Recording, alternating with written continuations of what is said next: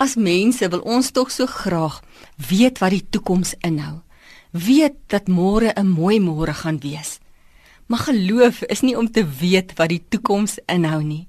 Geloof is om te weet wie die toekoms in sy hand vashou en dit is God natuurlik. Ek wil jou vanoggend uitnooi om God onvoorwaardelik te vertrou met jou lewe. Moenie op jou eie krag en jou eie planne staatmaak nie. Bely eerder jou kragteloosheid voor God. Die Hebreëse woord vir vertrou beteken om jouself vas te maak aan iemand. Maak jouself vas aan God. Vertrou hom. Dit is 'n totale oorgawe wat jy moet doen. Ek bid altyd, Here, ek kan nie sonder U nie. Ek gee my lewe opnuut vir U. Nie een tree kan ek sonder U vorentoe gaan nie.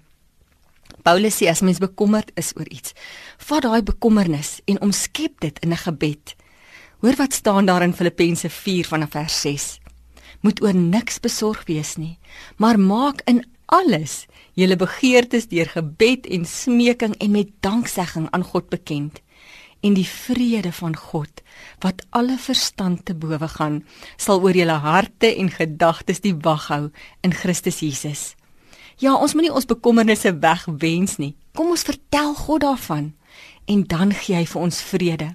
Let mooi op die teks sê nie as jy gebid het, gaan jou probleme net verdwyn nie. Nee, die teks sê hy gee vir jou vrede wat verstand te bowe gaan. En goddelike vrede is anders as wêreldse vrede. Wêreldse vrede sê my bankrekening moet sterk wees, ek moet gesond wees, alles moet voor die wind met my gaan. Maar goddelike vrede sê, weet jy, alles hoef nie perfek in my lewe te wees nie, maar ek kan nog steeds vrede hê. Dalk is jy siek, jy kan nog steeds vrede hê wat alle verstand te bowe gaan. Baie keer sê mense vir my, "Maar Liesel, dit voel nie vir my of God werk in my lewe nie. Dit voel of hy nie my gebede hoor nie." Dan gebruik ek altyd die volgende metafoor. As jy nou 'n plantjie agter in jou tuin gaan plant en vir 24 uur stip na hierdie plantjie kyk, gaan jy groei sien? Hoogs waarskynlik nie.